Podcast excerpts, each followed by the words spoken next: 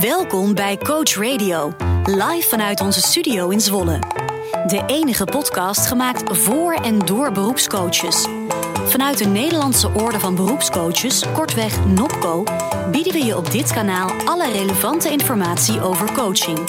Stuur jouw tips en vragen in via podcast.nopco.nl.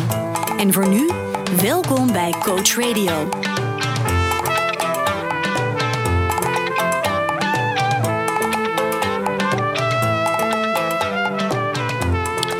Ja, beste luisteraars, allereerst onze oprechte verontschuldiging voor de lange stilte. Waar we doorgaans iedere twee maanden uitzenden, heeft het nu bijna een half jaar geduurd voordat we bij jullie terug zijn met een nieuwe podcast. De oplettende luisteraar heeft tussendoor mogelijk geluisterd naar de miniserie vanaf het Wetenschappelijk Symposium. Maar toch, we hebben elkaar gemist. Wij hebben jullie in elk geval enorm gemist. We hebben voor volgend jaar een prachtig contentprogramma uitgerold. Maar de voorbereidingen daarvan die vroegen zoveel tijd dat we niet aan podcasten toegekomen zijn. Maar niet getreurd. Vandaag zijn we er weer met de belofte dat we jullie weer op regelmatige basis kunnen laten genieten van de Coach Radio podcast. Normaal gesproken schieten we meteen naar het altijd belangrijke bestuurslid van dienst. In dit geval eh, David, die er natuurlijk gewoon is. Maar vandaag is alles anders. Want allereerst is een van onze gasten geveld door griep. Uh, dan mogen jullie wel even oh zeggen als je luistert. En die kan dus helaas niet aanschuiven. Gelukkig zijn er toevallig ook twee belangrijke nieuwe gezichten binnen Opco die vandaag kwamen kijken in onze studio. Een unieke kans om hen ook even een podium te geven en aan jullie voor te stellen. Aan tafel zitten Marlene van Meteren, community manager, en Ineke Bos, coördinator Learning and Development. Welkom allebei. Hallo. Hallo. Ja, het werkt allemaal. We hebben heel goed soundcheck gedaan en zo ook. Hey Marlene, wat doet de community manager eigenlijk allemaal? Ja, wat doet hij allemaal? Um, een heel afwisselend uh, programma. Uh, maar je gaf het net al aan in de intro. We hebben weer een afwisselend programma voor volgend jaar uh, samengesteld. Ja. Daar ben ik uh, nou bij betrokken. Bij dit programma, want ik kreeg ook een ja, kerstkaart. Klopt. En dus het is een heel eventkalender voor de mensen die het, Ik zal het even laten zien op de camera. Dat staat in je brievenbus. Dat Ja. heb jij allemaal bedacht, dit? Nee, ik heb het niet allemaal bedacht. Ik heb wel mee de planning gemaakt. Ja. En nu is het aan de vaksecties om er mooie inhoud aan toe te voegen. Hartstikke gaaf. Ja, Het ziet er heel, heel eh, inspirerend uit. Hey, en Ineke, Learning and Development, wat coördineer je er allemaal aan? Um, wat coördineer je er allemaal Ja. aan? Ja, dat zegt het al. Er is natuurlijk ontzettend veel mooi aanbod. Ja. Um, ik ben een maand geleden begonnen, dus ik ben ook aan het kijken wat is er nou echt nodig. Wat leuk. Uh, wat loopt er al jaar? Er is zoveel moois, geen enkele behoefte om daar nou iets aan te veranderen. Maar wellicht wel wat aan toe te voegen. Ja, hè? je hebt, we Ehm. hebben elkaar al even kort via Zoom gesproken. Je hebt een hoop ambitie. Je komt vandaag daarom ook de studio bekijken. Want jij bent natuurlijk degene die dit ook allemaal coördineert. Ja, Ja, uh, uiteindelijk ja. zoek ik eh, naar de grote lijnen in. Waar mist wat? Waar voegen we wat toe? Met ja, misschien als belangrijkste doel voor mij ook wel een beetje de brug tussen wat we allemaal willen leren. En Leuk. we willen ook certificeren, veel mensen. Ja. En dat lukt niet uh, altijd voor Je kijkt. David heel streng aan. Ja. heel goed. Uh, die brug wat te verkleinen, hoop ik eigenlijk. Heel mooi. Hey Marlene, welke goede voornemens heb jij voor komend jaar? Puur uh, arbeidsgerelateerd. Je hoeft niet je hele hart op tafel te leggen, maar puur in jouw functie als community manager. We gaan uh, nog verder professionaliseren en nog uh, mooiere programma's neerzetten dan uh, afgelopen jaar. Gaaf. Ja. En Ineke, waarvan denk jij, dit lukt waarschijnlijk nooit, maar ik ga het toch najagen omdat het het waard is? Nou, één belangrijke zei ik al, de brug tussen leren en certificeren wat verkleinen. Ja. En ik uh, hoop ook wat uh, meer de breedte in te gaan, dat we nog meer doelgroepen bedienen, nog meer verschillende stromingen kunnen laten zien. Hartstikke gaaf. Hey, en mensen die jullie nou helemaal niet kennen, dus die, die zijn van Nopco-lid, die horen twee nieuwe namen. Even iets belangrijks dat ze over jullie moeten weten. Wat, wat typeert jullie nou? Uh, mag Marlene eerst? Want die kijkt alsof van ik weet dit al meteen. Nou ja, ik zat te denken, uh, wat moet ik nu gaan zeggen? Brabantse, uh, uh, een achtergrond in de marketing en uh, sinds 2,5 jaar in het coachvak gerold. Hartstikke gaaf. Ja. Nou leuk, Brabants gezelligheid. Ja, precies. En jij Ineke, wat typeert jou? Uh, allereerst dat ik een verbinder ben, denk ik. Ja? En ik heb een achtergrond uh, als bioloog in wetenschap en oh, onderwijs. Bijzonder, leuk. Ja, dus een hele andere achtergrond. Nou, maar onderwijs, ja. Geeft al meteen weer nieuwe inspiratie. Leuk. Hey, fijn jullie te ontmoeten. En uh, ja, jullie gaan lekker er vandaag bij zijn. Maar dan hebben de mensen in ieder geval even een idee van wie jullie zijn. Dan glijden wij soepel door naar een bekend gezicht... dat toch voor het eerst in deze rol aanschuift bij deze podcast, dames en heren. Hij is als bestuurslid verantwoordelijk voor de Academy in de podcast. Maar zijn functie heet officieel onderzoek en deskundigheidsbevordering. Hij staat al weken te trappelen om mee te doen. Hier aan tafel, welkom. David Brode. Hey, goedemorgen. Goed dat je er bent. Ja, dank je. Ja, je zit helemaal klaar met allemaal uh, technische materialen om je heen. Je... Ja, jij ging het hebben over AI en techniek jij dacht, digitalisering. Ik denk, ja. ik neem, ik neem mijn, mijn deel mee. Ik vind het nog leuk dat je zelf gekomen bent. Je had Ja, natuurlijk ook je virtuele identiteit kunnen sturen. Hey, ik zei het al even. Uh, we hebben samen met jou een nieuw contentprogramma uitgewerkt voor 2024. Waar, kijk je het meest naar uit? Want het is nogal wat. Ja, ja leuk. eh, het, ja, het is natuurlijk niet, niet fair om te zeggen dat ik eigenlijk overal naar uitkijk. Maar mijn interesse is wel zo breed dat, eh, dat ik heel benieuwd ben wat we dit jaar weer gaan, eh, gaan creëren. In het bijzonder zijn er twee dingen die, eh, waar ik echt wel benieuwd naar ben. Hè. Jij gaat een stukje doen met executive coaching. Ja, Dat, eh, ik ben heel benieuwd hoe je dat verwerkt. Want wij hebben natuurlijk, wij, wij matchen een beetje als het gaat om bepaalde benaderingswijzen. Dus ik ben heel benieuwd hoe je dat vertaalt in de rest van de dingen die je doet.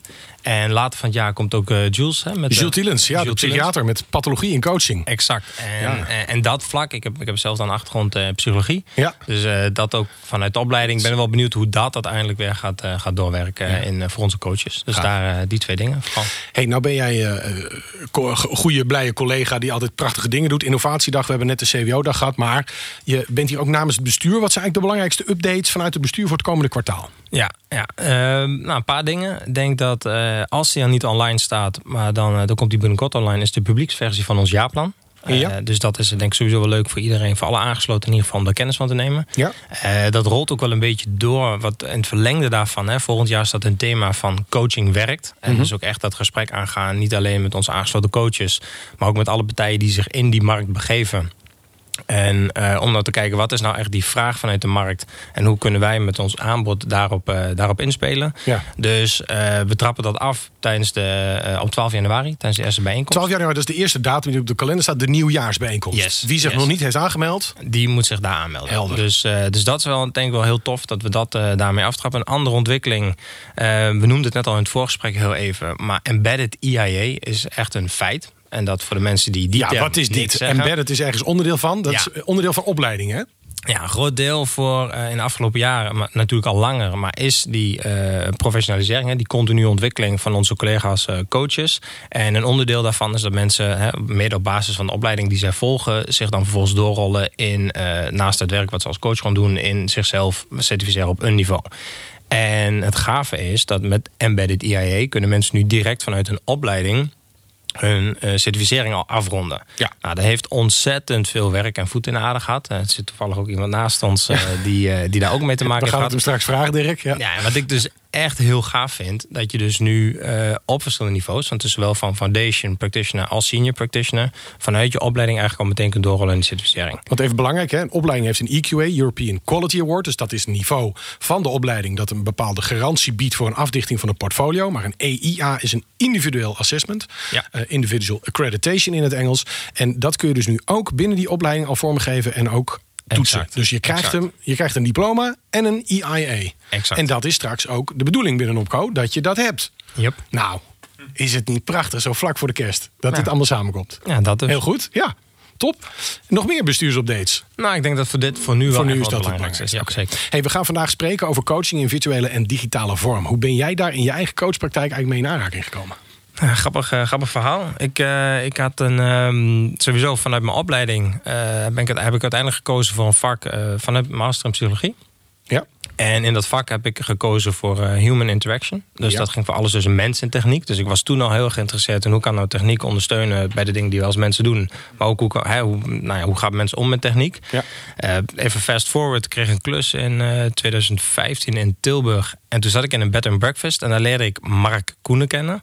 Eh, Ja. voor de mensen die Mark Koenen kennen, is collega van Alexander Warringa. Eh, toen Het oud bestuurslid, pro. jouw voorganger. Ja. Yes, eh, e-coach pro. En die had het toen al over dat ze op andere manieren met coaching omgingen dan alleen face-to-face. Dus dat vond ik toen al interessant. Zijn boek natuurlijk, de wissel, je wisselt informatie uit. Je leest dus je denkt, hey, asynchroon coachen via e-mail, via dingen. Dat is best wel interessant. Eh, en natuurlijk, hè, fast forward, eh, een paar jaar corona, alles op zijn kop. Van ja, wat ga je doen? Mensen willen niet meer komen, durven niet meer te komen. Hoe ga je die veiligheid borgen? En dan merken dat eigenlijk hè, via de telefoon of via beeld, dat dat eh, net zo goed werkt. Ja, en uiteindelijk tijdens onze innovatiedag ook veel kennis gemaakt met allerlei platformen, tools die je kunt inzetten. Ja. En als ik kijk naar mijn eigen organisatie, ben ik eigenlijk al vanaf het begin dat ik coach ook wel bezig geweest met wat voor soort eh, zeg maar platform of tools kan ik implementeren. Zodat ik naast het coachen wat je doet één op één, dat als je als die coach bij jou wegloopt. En die gewoon, hè, die coachie bedoel ik. eh, Ja, je klant, ja. je klant. Als die dan weer teruggaat en die is in zijn dagdagelijkse omgeving, hoe kunnen we hem, haar nou ondersteunen om die gedragsverandering die hij graag wil maken, Ja, kan maken. Dus op die manier ja. probeer ik op, met, met die tools altijd wel eh, samen te werken. Ja. Leuk. Nou, we gaan het erover hebben met allemaal mensen aan tafel, waaronder onze eerste gast. Aangeschoven is niemand minder dan Dirk Verhoeven. Hij is werkzaam als directeur van de Associatie voor Coaching en derhalve voornamelijk bezig met het opleiden van gecertificeerde coaches. Daarnaast is hij businesspartner van Skill Reflect, een software tool die reflectie aan de hand van videoopnames mogelijk maakt. Van harte welkom, Dirk. Dag Arvid. Wat fijn dat je er bent. Ja. Uit Best in Brabant. Ja, Helemaal hier naartoe gekomen, rijden naar het verre, verre Zwolle. Ehm, we hebben elkaar eerder gesproken. Dat was op de, de innovatiedag. Zeker. Ontzettend gaaf ding in Kinepolis. Eh, eh, daar was je heel enthousiast met je tools. Eh, maar, maar laten we vandaag ook even inzoomen op jouw rol als directeur van de Associatie voor Coaching. Want we gaan het vandaag hebben over de rol van virtuele en digitale technieken binnen coaching. En voordat we verzanden in allerlei vage gesprekken over AI, even heel concreet. Want jij leidt coaches op. En die werden van oudsher in een zaaltje gedrukt toegesproken. Die oefenden op elkaar, kregen een lunch en een certificaat. Et voilà. Wat is er sindsdien eigenlijk veranderd? Nou, er zijn vooral ook tools bijgekomen dat als het bijvoorbeeld over reflecteren gaat, dat er veel meer naar feitelijkheid gekeken wordt. Dus we werken veel meer met video. Ehm, die video wordt niet meer in, alleen in een zaaltje opgenomen, maar kan gewoon ook via Teams en via eh, virtuele eh, meetings eh, opgenomen worden. Ehm, en er gebeurt een hele hoop op afstand ook al. Hè? Dus dat een deel van de training gewoon op afstand gebeurt. Of dat we observatiegesprekken online met elkaar verzorgen. En wat verandert dat aan de kwaliteit van het opleiding? Dus als ik gewoon even mijn, de, de leerlingrol inneem, ik, ik neem les bij jou. en dan, dan, wat merk ik nou ten opzichte van tien jaar geleden? Wat is er voor mij anders? Ehm, wat er voor de deelnemer anders is, is dat ze in het begin vaak moeten wennen aan, aan, aan een stuk online. Ehm, en dat ze het eigenlijk nog steeds vinden. Dus wij geven eigenlijk alleen maar blended trainingen op dit moment. Hè. Dat is een hippe term voor zowel live Ja, als zowel online. ja. Want sommige dingen, eh, daar hebben we onze programma's nog niet op aangepast om dat eh, eh, anders dan live te kunnen doen. Mhm. En we vinden het ook wel fijn. Het hoort ook een beetje bij ons vakgebied om die binding ook echt te houden door ook elkaar ook te zien. Dus er is ook behoefte om gewoon met elkaar te leren en dat niet online te doen. Dus het, het is echt een blended versie van fysiek en online. Dus bijvoorbeeld onze observatiegesprekken, dat zijn dus echte coachgesprekken die in de opleiding voert, die toch al opgenomen werden. Daarvan hebben we gezegd, die doen we een deel live, maar ook een deel online. Maar vroeger als ik docent ben, dan vroeg ik jou als cursist... eh, ga lekker met Jelle in een zaaltje zitten, ga oefenen. Dan liep ik langs, dat zag ik. Maar wat jij in je praktijk deed, zag ik niet. Nu ben ik leraar en zie ik jouw opname met een echte cliënt in jouw praktijk. Ja. Ik neem aan dat dat wel een hele andere leeropbrengst geeft. Of is dat een aanname? Ja, nee, dat klopt. Hè. Dus, eh, de, de, je ziet dus ook gewoon echt praktijkgesprekken die opgenomen worden. Ja. Vroeger werden die eigenlijk ook al opgenomen, maar zagen wij die als opleider niet.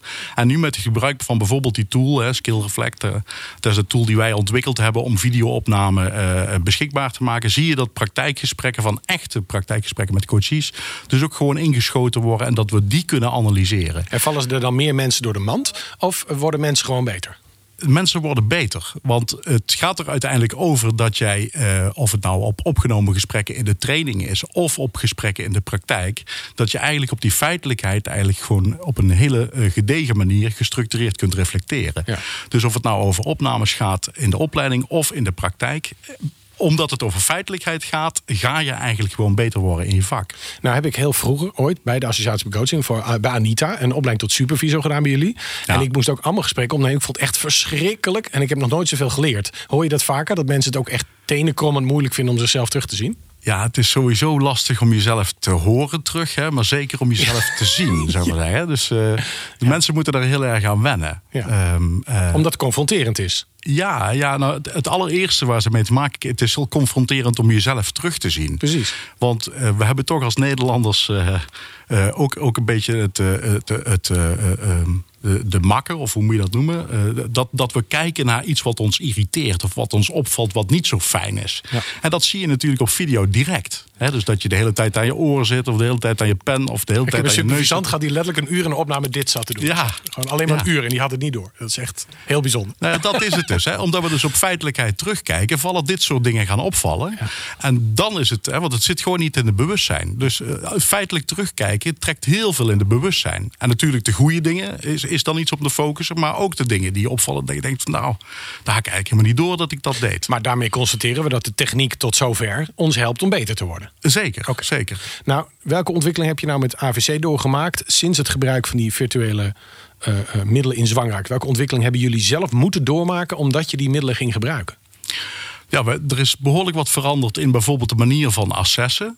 Dus vroeger keken wij zelf ook naar een gesprek en hadden we allerlei Excel-files en die vulden we dan in. Nu is dat al meer dat wij uh, SkillReflect bijvoorbeeld gebruiken om ook op die feitelijkheid eigenlijk direct te feedback te kunnen geven en uh, een assessment te kunnen doen. Nou heb je al twee keer het woord uh, skill reflect gezegd. Ja. En niet iedereen heeft de serie gevolgd die we hebben gemaakt op de innovatiedag. Doe dat alsnog. Maar even in het kort, skill reflect. Als ik dat nu op mijn iPad zet, dan kan ik een videogesprek inladen of dat staat daar online van een opname. En dan kan ik momenten in die tijdlijn markeren en daar opmerkingen bij maken. En ik kan zelfs het programma analyses laten maken. Of was dat in de toekomst aan de beurt? Even dat is nog steeds een stukje toekomst. Daar zijn heb je toen al beloofd, hè? Ja. We zijn er nog niet. Nee, tempo, hè? Tempo, ja. Nee, maar het, het wordt dus echt gebruikt om te zeggen. Hè, dus, dus ik krijg van jou, als, als jij de opleider bent en ik de leerling, krijg ik van jou uh, signaal in Skill Reflect. En dan staan er allemaal opmerkingen bij met in de tijdlijn de momenten. En dan kan ik die ook meteen terugkijken. Ja, we, we noemen dat kernmomenten. Dat Ja. je echt op zoek gaat naar kernmomenten. Dat kun je als, als trainee doen. Hè? Dat je op zoek gaat naar kernmomenten die jou opvallen. Ja. Maar ook trainers gaan op zoek naar kernmomenten. En ook andere studenten gaan als peer op zoek naar kernmomenten. Dus zo heb je op één gesprek eigenlijk de mogelijkheid om heel veel kernmomenten terug te kunnen kijken. En wat interessant is aan die kernmomenten, één kernmoment is misschien nog niet zo interessant. Maar als je een kernmoment gaat eh, pakken op meerdere gesprekken, dan ga je ook patronen ontdekken en herkennen van waarom je dingen doet. En het is niet zozeer het moment wat interessant is, maar net, daar, net voor dat moment. Hè. Ja. De reden dat je iets doet in een gesprek. Dat, dat, dat is het moment wat we eigenlijk aan patronen gaan beetpakken. En dat trekken we in het bewustzijn. Ehm, en nog steeds hebben we dan de peers en de trainers eigenlijk nodig die jouw kernmomenten voorzien, eh, die jouw blinde vlekken bijvoorbeeld teruggeven. Ehm, ja, dus dat. Nou ben je coach. Oh ja, David gaat ook even meedoen. Je had de vraag Ja. aan Dirk. Ja, ja zeker. Want ehm, ik herinner me een, een vak vanuit eh, de psychologieopleiding... waarin we woord voor woord dat wat we hadden opgenomen moesten uit eh, transcriberen. En ik weet nog- Verbatim heet dat in de rechtspraak. Ja, verbatim. Ja. Helemaal prima. Ja.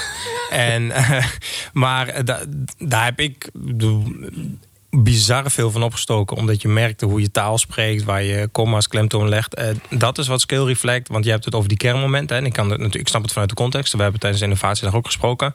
Is dat ook een onderdeel wat je daarmee stimuleert? Of waar mensen eh, in die opleiding zelf mee aan de slag gaan? Of is dat, is dat wat meer ondergeschikt? Nou, het is nu nog veel gebaseerd op de competenties van de coach. Hè. Dus onder andere de NOPCO-competenties zitten erin. En de ICF-competenties en nu ook de supervisie-opleiding-competenties.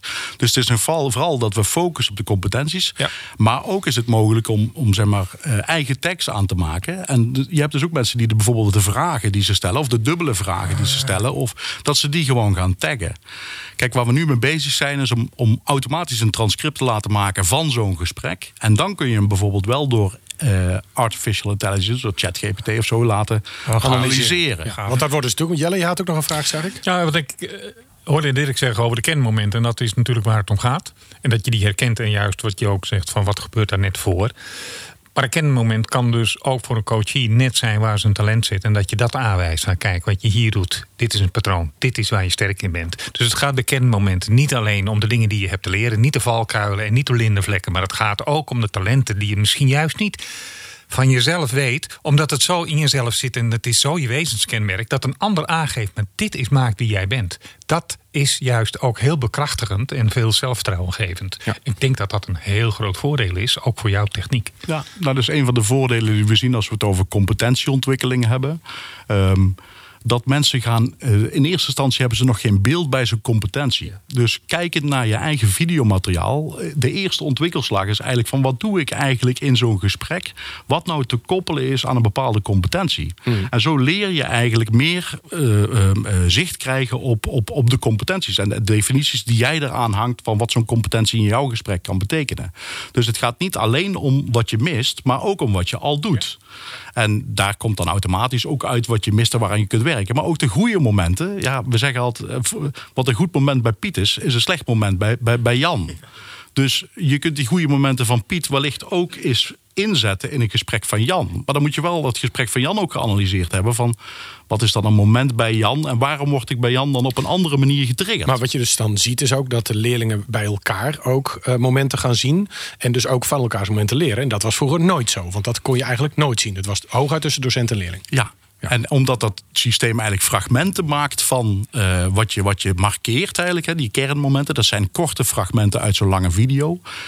Komt het ook voor dat studenten bij elkaar gaan kijken van hey, deze competentie of deze markering, die, die herken ik eigenlijk niet zozeer. Laat ik eens bij een andere Of die student mis ik bij mezelf, laat ik kijken hoe Dirk dat doet. Ja, exact. en dan kun je eigenlijk korte fragmenten kijken van 30, 40 seconden uit een, uit een bestaande video. Hè, met die wel zitten bij jou in de leergroep. Hè, want er is natuurlijk wel iets van privacy afgesproken met elkaar. Wel.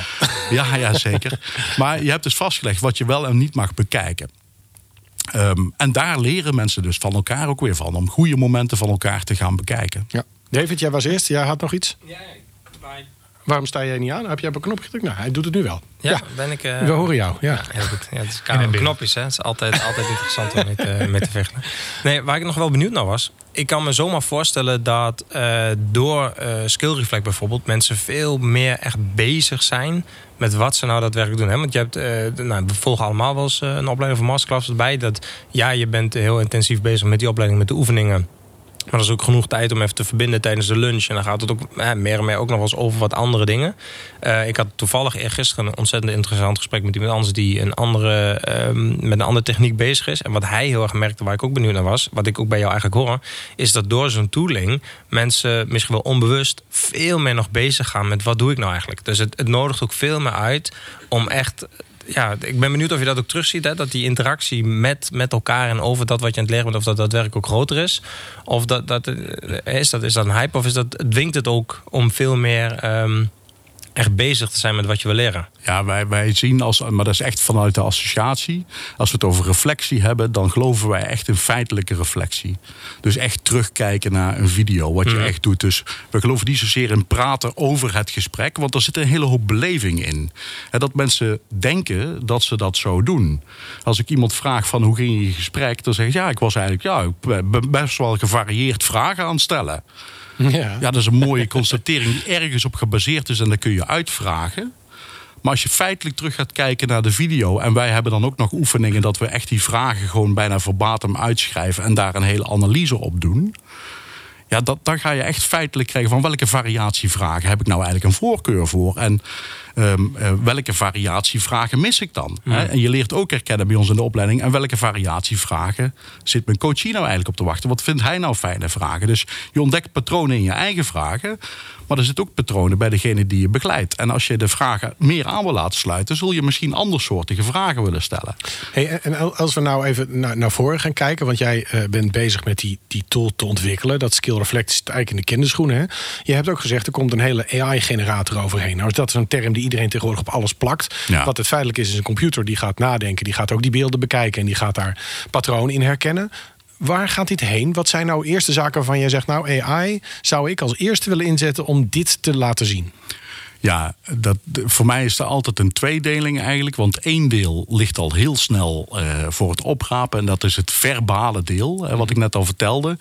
Als wij er zijn al eh, legio-programma's die automatisch transcripties kunnen maken van een gesprek. Ook in Nederland al? Ja, zeker. Zeker. Ja, je hebt eh, Sonics.io of eh Amberscript. Dat is ook een, is een Nederlands bedrijf overigens. Die dat Ja, automatisch want toen ik de ICF aanvroeg, toen moest je dat letterlijk nog laten doen of zelf met de hand doen. Ja. Dat is dus nu allemaal al, dus dat heeft het ons ook al opgeleverd, die techniek. Ja, ja, dus je kunt automatische transcripties laten maken. En die zijn gewoon echt heel goed. Kijk, Google kon dat vroeger ook al. Ja, maar dat was niet goed. Maar niet voor, niet voor twee personen die een beetje door elkaar heen praten. Zeg maar. Of af en toe. Hè, de, Het zijn geen volzinnen die we maken in coaching. Dus dat is lastig te transcriberen. Maar Amberscript en Sonics bijvoorbeeld zijn twee programma's die dat prima kunnen. En met dat verbatimverslag, ja, als je dat door een, door een eh, chat GPT heen haalt met een aantal eh, vragen, dan krijg je daar hele mooie resultaten uit. Hè. Dus wat was nou het krachtigste moment? Hoeveel vragen stel ik nou? Hoeveel ben ik aan het woord? Hoeveel procent ben ik aan het woord? Hoe, hoe eh, interrumpeer ik mijn coachie? Eh, interrumpeert mijn coachie mij? Hoeveel procent van de gevallen is dat? Zijn mijn woorden kort of mijn vragen kort en bondig? Of ben ik heel uitgebreid in mijn vragen? Zitten er dubbele vragen? Dat soort analyses kan, eh, kan hij natuurlijk allemaal maken als je daarnaar vraagt. Ja. Ehm, de tweede is, is de non-verbale tak eigenlijk. Hè. Daar, zijn we wel, dat, daar zijn ze ook al best ver bij. hè. Dus echt om videoopnames te analyseren. Bijna op eh, eh, hoe, hoe staat de stand van je ogen, zou ik maar zeggen. En welke emotie is daaruit te meten? En Dus wat de mensen die nu meekijken, die zouden zeg maar met AI kunnen zien of jij je op comfortabel voelt of dat je gespannen bent, bijvoorbeeld. Ja, bijvoorbeeld. Ja, ja. En dan is het eigenlijk de vraag van, en wat doet de coach daarmee? Hè? Brengt hij dat, ziet hij dat? Neemt hij dat waar? Dat is in, in opleidingen dan een eerste vraag natuurlijk. Heeft hij dat waargenomen of niet? dan heeft hij daar een vraag bij. Welke keuze heeft hij daarin gemaakt? Ja. Dus het is altijd een mengeling. Ik denk niet dat AI het helemaal over kan. Maar het, het is echt analyse data die een, een start geeft voor een verdere reflectie eigenlijk. Ja. En daar komt de opleider weer om de hoek kijken. Om dan met zo'n deelnemer ook echt uit te gaan vragen. Van nou, wat, wat neem je dan waar? Waar loop je tegen? En wat is dan de volgende stap in jouw ontwikkeling? Nou, zijn natuurlijk veel coaches en mensen die, die alleen het nieuws volgen, die, die AI zien als, in, als een soort monster. Hè? Dat gaat de hele wereld overnemen. Ik wil jullie zo een, een stelling voorhouden, maar ik moet zeggen dat ik altijd vrij, uh, ja, hoe zeg je dat, uh, argwanend daarnaar luisterde. Tot ik uh, op een website terechtkom en ik, ik, geef hem even mee aan de kijker en luisteraar. Negotiation-ai.com. Ik deed een negotiation opleiding aan Harvard en daar werd een professor stuurde dit rond en die zei: ga maar eens oefenen met AI. Ik denk ja, met een chatbot, serieus? Nou, ik was totaal flabbergasted door het door de kwaliteit van het gesprek dat zo'n computer kan voeren met je. Dat gaat op een niveau, dus test dat negotiation-ai.com om puur eens te zien wat het kan. Maar dat wordt natuurlijk wel getraind door mensen. Dus zonder mensen weet de computer helemaal niks. Dus ik wil jullie even die stelling voorleggen. Gewoon puur om even hier aan tafel het gesprek te openen. Over 20 jaar bestaan er geen coaches meer, maar voer je ieder gesprek met een computer. Wat denken jullie daarvan? Jelle, die, die gaat meteen. Uh, ja, nee, aan. dat denk ik niet. Oké, okay, bedankt. Wat, wat je, nee, alleen wat je, wat je net al zei. Uh, de uh, computer denkt na, zegt. De computer denkt niet na. Nee.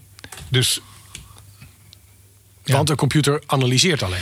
Ja, we gaan er straks op terugkomen. Ja, die kan heel goed omgaan met data, kan patronen vinden, kan, ja. maar niet op die manier associëren zoals zij. En een computer is misschien wel uh, uh, taalvaardig, maar denk, ja, taalvaardig, uh, daar heb je denken voor nodig. Ja. En een computer denkt niet.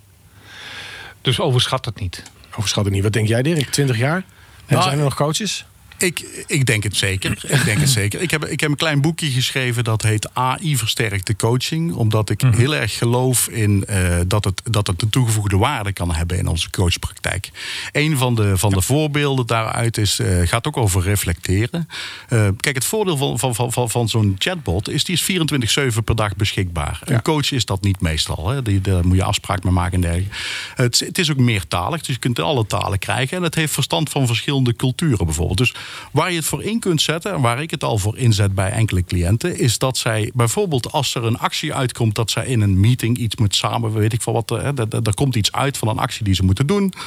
Dat ze direct na een meeting of na elke meeting eigenlijk met een chatbot de reflectie kunnen optuigen.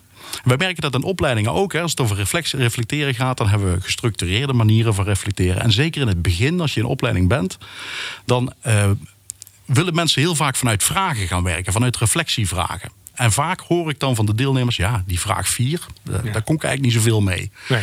Zo'n chatbot die kan op de aangeleverde content een nieuwe vraag gaan stellen die wel aansluit bij de materie. Dus als je zo'n chatbot gebruikt om te reflecteren bijvoorbeeld, ja, dan is het heel waardevol. Dan is het zeker ja, waardevol. we hebben Nicky Terblans geïnterviewd voor de, voor de Wetenschapsdag. En dit is professor in Johannesburg, Zuid-Afrika. En die heeft coach Vici geschreven. En, ja. en die zegt eigenlijk, voor goal-oriented tasks is het even goed als mensen. Dus als je gewoon zegt, nou, ik zou het liefst uh, volgende week dit en dit en dit gedaan willen hebben. Dan kan die die digitale coach jou daar prima bij helpen. Die kan je eraan herinneren. Die kan je ook tips geven over hoe je het wel doet. Dus eigenlijk is het gewoon het laaghangend fruit. Ja. Om dat maar te doen. Maar dat kan perfect overgenomen worden door computers. Ja. Maar ja, dan is de vraag, waar zit nou in jullie beeld die overlap? Want je, dat kunnen we allemaal mooi stellen, hè? Maar die, die computer is ook echt niet achterlijk. Waar, wat, wat is nou het moment dat je in contact wilt zijn met een mens? Nou, ik denk dat dat iets heel, uh, heel natuurlijks is. Uh, punt. Uh, we zagen dat ook. Uh, nou, we hebben natuurlijk corona meegemaakt. Waarin we, en de behoefte die daaruit voortkomt, zagen we in onze eigen community al. Hè, dat leuk, je kan digitaal heel veel organiseren. Ja. Heel, veel, ja. heel veel bieden, heel veel doen. Mensen willen uiteindelijk gewoon, toch gewoon bij elkaar. Maar ik denk dat dat altijd wel zal blijven. En sterker nog, hoe meer we zeg maar, met die techniek gaan werken, hoe meer we makkelijker contact kunnen maken met elkaar, denk ik. En dat ook kunnen opzoeken. Nog even los van virtual reality, waar je kunt vinden wat dat allemaal gaat nemen. Maar ik denk dus juist dat, uh, dat dat contact wel blijft en die behoefte wel blijft. En dat dit versterkt kan worden door jij. Dus ik ben wel een beetje van wat jullie beiden zeggen, kan, kan ik me heel goed in vinden. Want Jelle, je gaf het denk ik al mooi. En ik had uh, toevallig eergisteren, of ja, niet toevallig natuurlijk, maar ik had een gesprek met. Um, Jason Gog van uh, Workboost. Zij gebruiken in hun uh, um, interventies gebruiken zij ook, maken ze ook voor een deel gebruik van AI voor mm. bepaalde zaken. Ik zal er nu verder niet op ingaan, maar hele toffe ontwikkelingen. En hij zei eigenlijk exact hetzelfde. Want ik had die vraag ook. En hij zei: ja, luister, de, de, de, de complexiteit van menselijke interactie. Dat, ja, dat gaat een chatbot niet overnemen, ook niet over 20 jaar. Uh, en wat ik dus het tof vind om op je stelling terug te komen, dus zeker weten zijn er over 20 jaar nog coaches. Maar vooral zeg maar want het hele veld. Kijk, nu is het iets nieuws. We weten niet wat de uitkomst is. Uh, we zien wel wat er gaat, uh, zeg maar wat gaat gebeuren. Maar wat uiteindelijk gebeurt in iedere maatschappij. is dat je aan de hand van al die nieuwe technieken jouw eigen interactie complexer wordt. Dus straks is AI en alles wat we zeg maar normaal veel tijd kost om het naar uitwerken enzovoort, dat zal dan veel makkelijker zijn. Dus onze creatieve brein en de manier waarop we creativiteit kunnen uiten, die zal dan. Ja, ja, precies. En dan heb je nog steeds die voor je eigen persoonlijke ontwikkeling nog steeds behoefte aan dat gesprek met die coach. Die naast alles wat er omheen zit, ook wat jij zegt in de ondersteuning, in de standaardvragen en de patronen. Maar die zullen er nog steeds zijn. Ja, en ik denk ook dat als je echt verdrietig bent en het gaat echt niet goed met, met je, met wie wil je dan graag praten? Hè? Dus de, de compassie die zit in het menselijk contact en in het afspiegelen en in het afstemmen. Ja, dat mhm. zal toch moeilijker nabootsbaar zijn, vermoed ik. Maar, maar aan de andere kant denk ik, als ik het zeg, wie weet. Dat is wel grappig, hè? Want je hebt, uh, als je kijkt in de gezondheidszorg, waar als je goed herinnert van uh, de innovatiedag, ja. die, uh, die zorgrobots die eraan komen, ja, als het gaat om eenzaamheid, ondersteuning. Maar ja, maar een knuffel van een robot is toch anders? Nou, het, blijft, het blijft instrumenteel. Ja, en, ondersteun het aan. We zijn gewoon mensen uiteindelijk. Hè? Dus we, we, we, hebben behoefte aan techniek. En uh, denk, of ja, laat ik het anders zeggen. Techniek vergemakkelijkt heel veel dingen in ons mhm. leven. Maar uiteindelijk die interactie, dat is volgens mij wat ons ook definieert tot mens zijn. Dus ik, ben, ik heb helemaal geen enkele vrees dat dat anders Nee, ik, ik, ook niet. Maar, maar ik snap wel dat het leeft. En dat er ook, ik denk dus wel dat de onderkant van de markt dit wel gaat merken. En dat de mensen die echt de allersimpelste dingen doen, uh, een lifestyle coach die eigenlijk gewoon diëtist is, ja, die gaat het moeilijk krijgen. Want ik weet vrij zeker dat, dat AI dat straks beter kan. Mm, ja, dat kan. Maar daarnaast denk ik voor, voor alles. Want, want eh, wat ik net al zei, ik denk dat iedereen in die maatschappij uiteindelijk meebeweegt met het niveau waarop de hele maatschappij ja, gebruik heeft van techniek. En dan zal er altijd, hè, want bovenkant, onderkant zijn natuurlijk altijd lastige onderwerpen. Maar die, voor, voor elk wat waas zal die een plek vinden in de nieuwe markt. Want je hebt ook, we hebben natuurlijk, en niet een les in marketing, dat weet jij veel beter. Maar ik bedoel, het hele TikTok-Insta-verhaal heeft hoeveel mensen meer die normaal niet die mogelijkheid hadden om het op een bepaalde manier een wereldpodium te vinden, konden via die manier nog even los of het goed of fout is. Maar en, ik denk dat, iedereen er wel zijn weg Ja, het is een hulpmiddel. Maar dat is nog de markt. Maar Nicky Terblans heeft wat jij zegt eigenlijk letterlijk als een missie gemaakt. Want er zijn natuurlijk gewoon 3,5 miljard mensen die geen toegang hebben tot coaching, omdat het gewoon te duur is. Hmm. En hij zegt: Ik wil het toegankelijk maken voor iedereen. Dus dat, dat is natuurlijk de positieve uitleg van hetzelfde fenomeen. Maar ook die uh, diëtiste slash life coach, die, ja, zeker, die zal daarin uh, Precies. ook, wel, ook wel weer een rol krijgen. En, en pakken. En, en gelijk. Hey, uh, gezien de tijd, vrienden. Tijd voor de boekrecensie met Jelle Westendorp. Ja, vaak zit hij met zijn neus in de boeken. Maar voor deze aflevering verdiepte onze recensent Jelle Westerdorp zich in een serie essays van Ilyas Nasrullah. Een expert op het gebied van kunstmatige intelligentie en mensgerichte technologie. Zijn conclusies deelt hij vandaag met ons in de podcast. Van harte welkom natuurlijk, Jelle. Dankjewel. Goed dat je er bent. Ja. En Nasrullah, columnist voor de Trouw, bekend spreker, podcastmaker van de serie Welkom in de AI-fabriek. Ja. Uh, voor wie het niet kent, zoek het even op. Waarom koos je ervoor om zijn werk nou specifiek uh, te bestuderen? Ja, omdat ik Ehm, in zijn essays raakte. En die las ik. En dat raakte mij als uh, van huis uit ingenieur. En dat had ermee te maken dat we ooit, heel lang geleden, in 1985, 90, dat ik in engineering een collega had en die had de intelligente fotocel bedacht. Kijk. Ja, en wat is dan intelligent? Ja, dat was gewoon een. Uh, programma, een soort algoritme wat in de software geschreven was, waardoor uh, die fotocel dus wel of niet papier zag en ook wanneer die uh, verstoft was en weet ik het. Nou, dat is heel aardig geprogrammeerd, maar het had doorlopend verbetering nodig. En het is nooit geworden wat we eigenlijk dachten dat het had moeten doen. Dus dat was heel interessant. En dan lees ik in die essays dingen dat ik denk, ja, verhip, dat heb ik toen in uh, 1990 ervaren. Dat dat is eigenlijk een heel menselijk dilemma ook is. Ja, dat het een menselijk dilemma is. En dan heet het intelligent. En wat is nou eigenlijk echt intelligent? En we spreken nu heel veel over AI. En wat is dan AI? Is het artificial? Is het kunstmatig? Nou, zo kunstmatig is het niet. Want er is ongelooflijk veel menselijke energie voor nodig om een draai te krijgen. Is het intelligent? Wat is intelligentie? Dat weten we eigenlijk niet eens echt.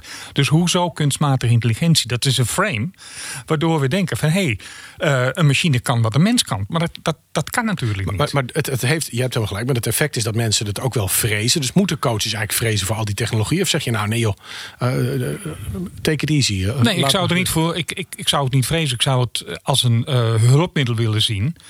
Um, waarmee je um, je vak wel beter kan maken. En dat is ook wat ik, wat ik David hoor zeggen.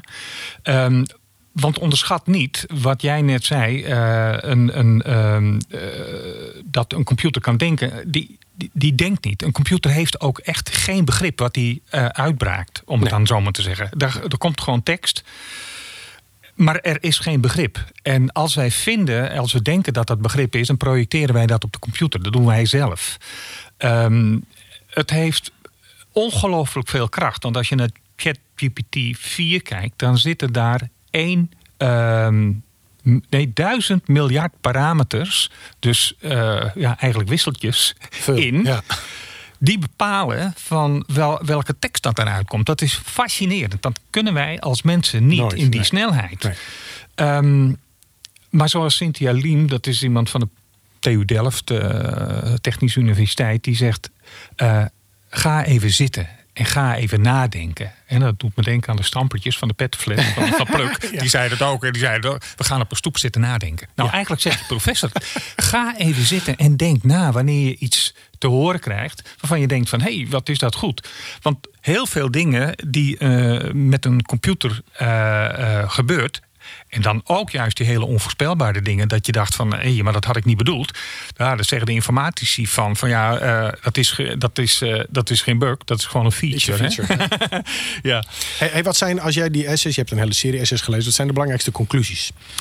Dat het veel langer duurt voordat we denken dat iets echt uh, volwassen is. Want bijvoorbeeld het, uh, wat wij denken over de computer, dat heeft Weizenbaum in 1966 heeft hij al een chatbot Eliza uh, gemaakt. Mm -hmm. En uh, het Eliza-effect betekent dat wij denken dat de computer begrijpt wat wij zeggen en dat die daarop reageert. Dus dat begrip heeft die computer niet, dat is zo geprogrammeerd. En het lijkt een begrip. En dat uh, heeft Weizenbaum toen gedaan met sleutelwoorden. Hè. Dus uh, als dan uh, in dat verhaal zinnen, ja, die worden dan gespiegeld. Bijvoorbeeld, ja, mijn vriend dwong mij om hier te komen. Oh, je vriend dwong je om hier te komen. Ja, je vindt dat ik depressief ben. Oh, god, wat last dat dat je depressief bent. Dus gewoon die sleutelwoorden gewoon teruggeven. Zodat, hè, wat je ook nu interviewers op de tv doen. Dat werd toen geprogrammeerd. Dat is eigenlijk een Rogeriaanse manier van, uh, van, van, van spreken. En uh, daar komt dat verhaal ook uit dat ze secretaresse met Eliza mocht spreken. En die zei op een gegeven moment tegen Wijsman... weer de kamer even verlaten, want ik, uh, ik wil even alleen zijn met dit gesprek. Terwijl ze wist dat ze met een computer sprak. Nou, nu is op LinkedIn is er een filmpje over. En dan sprak ik uh, van de week iemand die zei: Oh, dit is een filmpje, wat grappig, dit en dat gebeurt. Ja, maar ik denk, dit is al heel oud. Dit is al 80 jaar oud. Mensen denken dat het heel nieuw is. En, en juist dat, um, uh, dat die illusie van begrip, um, die, die creëren wij als gebruiker zelf. Je zou kunnen zeggen, het is een digitale variant van overdracht. En dat is wel heel interessant. En daar moeten wij als coaches juist heel bedacht op zijn. Uh, want dat gevoel van begrip projecteren wij op die computer.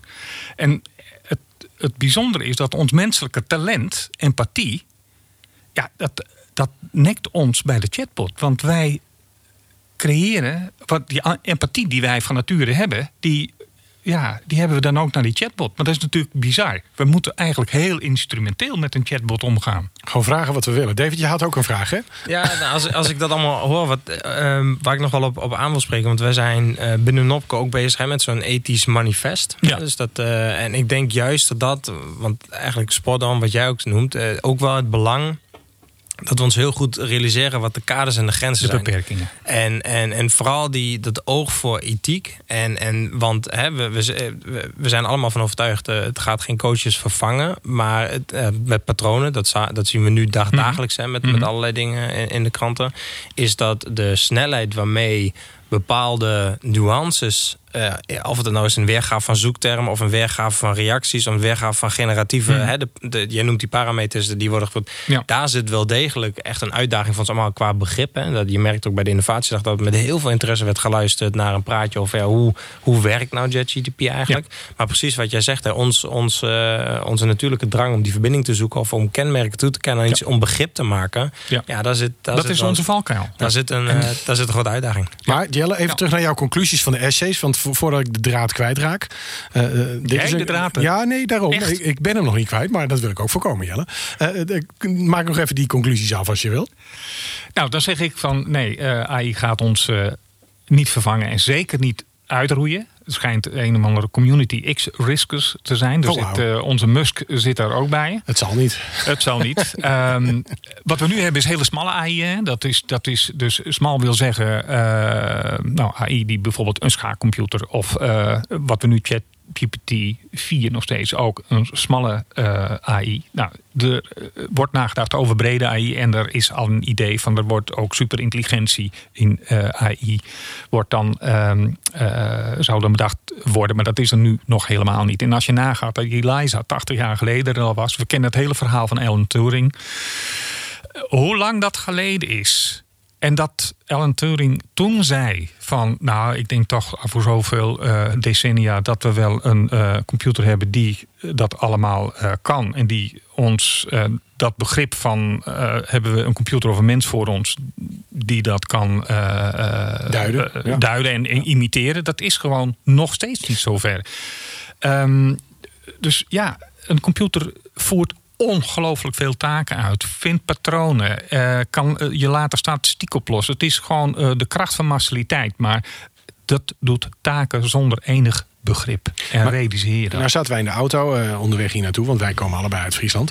En toen zei je ook van ja, maar die AI, als die zichzelf gaat voeden, dan wordt die volstrekt foutief en oninteressant. Kun, je dat, kun je dat nog even duiden? Want ik heb de achtergrond er niet van. Maar Nou, wat er gebeurt als je dus AI iets vraagt. En hoe is dat nu ontstaan? Daar is door eh, de eh, big tech, is er via command crawl, zijn er ongelooflijk veel teksten. eh, hoe, miljarden woorden zijn opgehaald van internet. En daar is de chatbot GTP is daarmee getraind, ja. gevoed. ja. Dus alles wat er nu is, is wat we nu weten. Maar als je die dus vragen geeft en die geeft antwoorden. En die kan dus ook hele beroerde antwoorden geven. Dat er bleekmiddel in een recept zit. Ehm, maar dat, daarmee wordt dan vervolgens weer internet gevoed. En daarmee wordt de chatbot gevoed. En ze hebben uitgezocht dat na enkele generaties dat je AI voedt met zijn eigen uitkomsten, dat het werkelijk volledig in elkaar stort. En dat is wat men noemt een model collapse. En, en is dat dan, eh, want inhoudelijk weet ik, weet ik het niet. Het is oprecht een vraag die. Want we hebben natuurlijk de snelheid van techniek. Hè, dus de snelheid waarmee eh, we steeds sneller, steeds meer kunnen bereiken. Hè, dus die curve die gaat eh, als een idioot omhoog. Dus ook al was het 80 jaar geleden, maar de manier waarop het verdubbeld en versneld gaat. exponentieel. Ja. Dat is het woord wat ik zocht, dankjewel. Ehm, maar is dat dan ook hetgene waar bijvoorbeeld Elon Musk zich zorgen over maakt? Dat, dat die, die zelfvoedende, eh, ik weet het oprecht even niet. Hè? Ja, weet je, de, de, Big Tech die, eh, die geeft nu aan eh, dat er heel veel risico's zijn. En dat is een marketinginstrument. Want als er heel veel risico's zijn, dan zeggen de regeringen op een gegeven moment van fuck, dat moeten we niet hebben. Daar moet geld heen. Want die risico's willen we vermijden. Oh. Nou, Big Tech is daar heel blij mee, want die krijgen geld. Dus, en dat je zegt van ja, het gaat exponentieel met, met, met, met de, de rekenkracht bijvoorbeeld. Maar het, eh, het, het, het feit dat er een model collapse kan ontstaan, dat wanneer je het systeem met zijn eigen informatie voedt, dat is, het is een wiskundig concept. Maar hebben we dat niet nu ook al eh, met Google? Want als ik bedoel, de, de, Ja, feiten je- waarin. Ja, ja, dat het heb gaat me ook- niet specifiek om Google, maar gaat me Nee. om een zoekmachine. Meer dat als ik een vraag stel, dat ik, ik, ik, heb, ik heb steeds meer waarde dat ik heel goed weet wat de bron is van, Ja. hè, van wat ik zoek op internet. Van kan ik die bron eh, voor mezelf verifiëren? Ja. Dus voor een deel hebben we dat nu natuurlijk ook al. Maar David, het feit dat je heel veel kattenfilmpjes als aan- aanbeveling krijgt, heeft natuurlijk ook als oorzaak dat je daarop gezocht hebt. Hè? Ja, ja, maar dan wil ik die niet van die, eh, van die ja, laat maar. En je ziet dus dat dus, hè, als AI teksten genereert, die zijn gewoon ongelooflijk mensachtig. Ja. Maar niet menselijk. En het Nee. verschil tussen die twee is creativiteit. hey, nou heeft die man eh, daar essays over volgeschreven. Maar je hebt ook een boek bij je en dat is niet van hem. Dat is niet van hem. Nee, dit is Dat een intrigeert eh, mij dan ook wel weer een beetje. En dat boek dat heet Clara in de zon. Dat is echt. Laat het even zien aan de kijkers thuis. Dit is de camera. Ja, Dit is de camera. En de zon van Kazuo Ishiguro.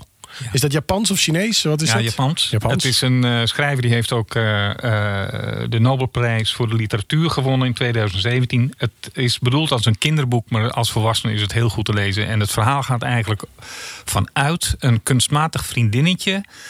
En die kunstmatige vriendinnetjes die zijn te koop in een speciale winkel. En er komt een gezin. de dochter van het gezin mag een kunstmatig vriendinnetje uitkiezen. En dat kunstmatig vriendinnetje is blij dat er iemand is die haar kiest. En dan krijgt dat kunstmatig vriendinnetje nog wel een boodschap mee van eh, de winkelier. Ehm, en ik eh, heb het even genoteerd. Dan, dan, dan, eh, dat ze niet al te veel waarde moet hechten aan de belofte van mensen. En dat is dus een heel mooi perspectief. Dat het boek in feite geschreven is vanuit het perspectief van het kunstmatige vriendinnetje. Wat voor het mensenkind wel heel veel betekent. En met een ongelooflijk scherp waarnemingsvermogen dat dat kunstmatig vriendinnetje heeft. En wat dat dan weer voor het mensenkind betekent. Het is zo'n ongelooflijk lief boek. Dus ja, eh, als je in de kerst eh, nog eens eh, anderhalve dag over hebt, dan is dit een super aardig boek om te lezen. En als je nog een film wil zien, ik weet niet of jullie het kennen, maar dat is Ich bin, ein, ich bin dein Mensch. Dat gaat over een wetenschapper die krijgt de mogelijkheid om een beurs te verdienen, maar dan moet ze wel drie weken als experiment met een humanoïde robot samenleven. Het is interessant wat in die film dan gebeurt. En dan over het woord Niet empathie verklappen, waar ik het net verklappen. Geen spoilers. Nee, nee. Over het woord empathie wat ik, wat ik net noemde. Ja, dan, dan daar gaat het over. Mooi. Dat is de valkuil. Mooi. We hebben geen cijfer deze keer, maar ik wil toch even eh, vier, vijf sterren eh, proef ik bijna. Ja, dit is vijf sterren. Dit is Dit is, sterren. dit is zo'n bijzondere roman. Ja. Clara in de zon. Clara en de zon. Zo'n lief Van. Kazuo, ik ga niet op de kop lezen, dus je mag hem nog even vasthouden, anders komt het helemaal niet goed. Kazuo Ishiguro. Hey, nog even laatste afsluit, eh, rondje even eh, om, om, om naar het einde toe te werken. David, eh, 20 jaar na nu, wat gebruik je van AI, hoop je, en wat hoop je niet te ontmoeten? Nou ja, sowieso. poef, Jezus, wat een vraag, joh. Nee, ehm, ja, ik, ik, ik kom erop terug. Even door. hè, Want ik heb, We gaan ik eerst heb- even naar Dirk. Ja. Want Dirk die zit er middenin, die, die, die doet dat hele skill reflect en die zit elke dag met al die coaches. Over 20 jaar, wat gebruik jij? Ja, ik denk, ik denk dat over twintig jaar eh, eh, het nog steeds gebruikt wordt om echt goede analyses te maken. En die worden steeds beter. De komende twintig jaar eh, sta je versteld van wat die allemaal kan analyseren aan non-verbaliteit en verbaliteit. Maar dat blijft een human interest eh, en een human eh, eh, noodzaak eigenlijk om die analyse ook echt de conclusies daarop te trekken en van daaruit te ontwikkelen. Ja. Want dat, daar, daar eh, gaat het scheef. Ik zeg, ik zeg altijd, als je de, een chat vraagt... een chat is gewend om antwoorden te geven. Ja. En in- eigenlijk zouden we hem dus moeten leren om, om, om vragen te stellen. En dat is eigenlijk al, ja, dat is al lang mogelijk natuurlijk. Hè, dus dat, dat doen we al. Maar als je uitgaat van de antwoorden die het geeft... ja, dan gaat het mis. Ja. Eh, dus, dus ik denk dat het steeds meer naar vraaggerelateerde eh, chatbots gaat... die ons kunnen helpen Waardoor eigenlijk coaching eh, veel, voor veel meer mensen toegankelijk gaat zijn. En dat er dus voor de echt belangrijke vragen waar, de, waar ze met een chatbot niet verder komen, dat ze daar dus echt professionele coaches voor Dan, dan zie ik jou zitten op je kantoor met als, als het ware met een digitale compagnon die het, het, het analysewerk doet en het kantoorwerk doet. Maar jij bent gewoon lekker in gesprek met mensen. Ja. Net als nu. Ja, dat Koffie, voor, koffie. dat is voor opleiders en voor coaches heb je ook een digitale compagnon die, Ja. je gewoon in- die altijd ingezet kan worden op elk moment van de dag, in elke taal, in elke cultuur. En- Ja. ja, zo goed. zie ik dat. Ik zag David ook knikken. Die heeft inmiddels een Ja, haarscherp antwoord Ja, gegeven. ik weet niet of het haarscherp is, maar ik, je, het gaf me wat ruimte om te denken. Want ik zie dus inderdaad, eh, net als nu, we maken al van zoveel dingen gebruik. Hè. Bij ons, we hebben allemaal wel een smartwatch, iets van techniek om ons heen.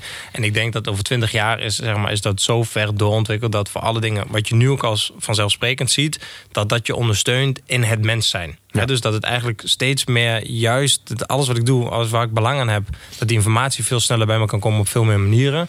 Maar dat ik daardoor juist uitgedaagd word om, om echt mens te zijn en te worden. Hè? Want het, als het omheen al steeds makkelijker gaat en het gebruikersgemak gaat omhoog, dan kan ik me dus meer focussen op wie ik ben, wie ik wil zijn. Nog even los van alle problemen wat dat met zich mee kan brengen. Maar ook dan hebben we coaches nodig.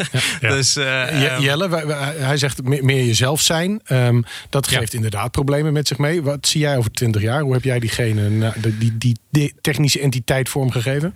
Nou, Los van dat jij eh, al lang met pensioen bent dan trouwens. Oh ja, ja, ja, ja, ja, precies. Daar ben ik bijna gestorven, joh. Ja. Ehm, aanhakend op wat eh, David zegt eh, en wat Dirk eerder zei over reflectie. Ik denk dat het een heel interessant mechanisme wordt, omdat wanneer wij eh, AI gebruiken om onszelf te beschouwen, dat wanneer wij eh, in een coachgesprek zitten en ons misschien onbespied waren, en dan denk je van ja, je, bent, je wordt nog steeds bespied door eh, je coachie. Maar dat is niet helemaal zo. Je voelt je als coach heel vaak onbespied, omdat je in je eentje gewoon het gesprek voert en jij hebt toch op een bepaalde manier de leiding. Ja. Maar wanneer je opgenomen wordt, dan ben je niet meer onbespied. Dus dat onbespied wanen, dat gaat eruit. En dat maakt je dus nog veel bewuster van hoe je handelt en hoe je spreekt. Dus dat is denk ik een groot voordeel. Klinkt ook Ehm, vermoeiend. Het klinkt, ja, dat, ja, ik zou dat. Ik denk dat ik het dan ook niet bij elk gesprek zou doen. Nee. Eh, en waar David op doelt, eh, eerder al toen we het hadden over de ethische code en wat AI daarmee te maken heeft. Ik denk dat wij als coaches een grote verantwoordelijkheid hebben. Want als je eh, beluistert wat ik net zei, en als ik zeg van hey, je moet het systeem niet voeden met zijn eigen uitkomst, dan hebben wij als coaches de taak om onze professionele uitkomsten. ehm, nou, niet te publiceren, maar in ieder geval beschikbaar te maken. Want dan krijg je een systeem wat dus eh, verbetert. Want er zijn heel veel culturele en sociologische zaken die een computer echt niet weet te filteren. Dat Nee. moeten wij doen. Dirk, je had nog een laatste final words. Ja, aanvullend daarop wat wij daarvan zien, van dat reflectie eigenlijk in, eh, eh, op, op een video, is. eh, ehm, ehm, nou ben ik even kwijt wat ik wilde zeggen. Nou, geeft niet, we hebben alle tijd. Denk maar even rustig na. Ja, dan geef ik even iemand anders voor. Ik ben even kwijt wat ik wilde zeggen. Ik had net een haanaakpuntje. Ja, dat kan zijn omdat ik zei van dat je met videobeeld dat je jezelf niet meer onbespied waant. Eh, Ja, dat wilde ik dat zeggen. wilde ja. Dankjewel, ja. Eh, eh, De, de, de co- wij, wij maken heel veel gebruik van video's. En ik zei het straks, hè, het wordt ook steeds meer in de praktijk opgenomen. En ik hoor heel veel coaches er terughoudend in zijn vanuit privacy. Of maar coachie wil dat niet. Wij hebben juist de ervaring nu dat er zelfs coaches zijn die zeggen van... hey, fijn dat er een opname Absoluut, van is. Die kan ik weer eens terug. Die, die wil ik zelf ook. Ik geef Want tien jaar audio-opnames mee aan klanten. Omdat ze juist zeggen, ik vergeet de helft. Ja, ja, ja. dus dat is echt een, een punt eh, dat ze zelf ook bewuster worden van die opname. Dus, eh, Mooi, mooi afsluiten. Dankjewel Dirk. Hey, met deze woorden sluiten we de Coach Radio Podcast virtueel en digitaal af. Oftewel, aflevering 24 alweer. Ik wil je bedanken voor het kijken en luisteren en hoop dat je er de volgende keer ook weer bij bent. Eh, dank aan mijn gasten van vandaag. Eh, Dirk Verhoeven, Marlene van Meteren, Ineke Bos, eh, David Brode. En voor de redactie en recensie tekende Jelle Westerdorp. Mijn naam is Arvid Buiten. Ik hoop dat je ontzettend hebt genoten van deze aflevering. Heb je nou een leuk idee voor een nieuw podcastonderwerp? Mail ons dan vooral op podcast.nopco.nl. Vergeet ook niet om een recensie achter te laten op jouw favoriete podcast-app. Vanaf deze plek wens ik je namens Nopco ontzettend fijne feestdagen en een schitterend 2024 toe. Heel graag, tot snel. Dank voor het luisteren naar Coach Radio. Volg ons op SoundCloud, Spotify of iTunes en vergeet niet om een recensie achter te laten. Als je vragen, tips of opmerkingen hebt over deze uitzending, mail ons dan via podcast@nopco.nl. Deze podcast werd je aangeboden door Nopco. www.nopco.nl. Graag tot snel.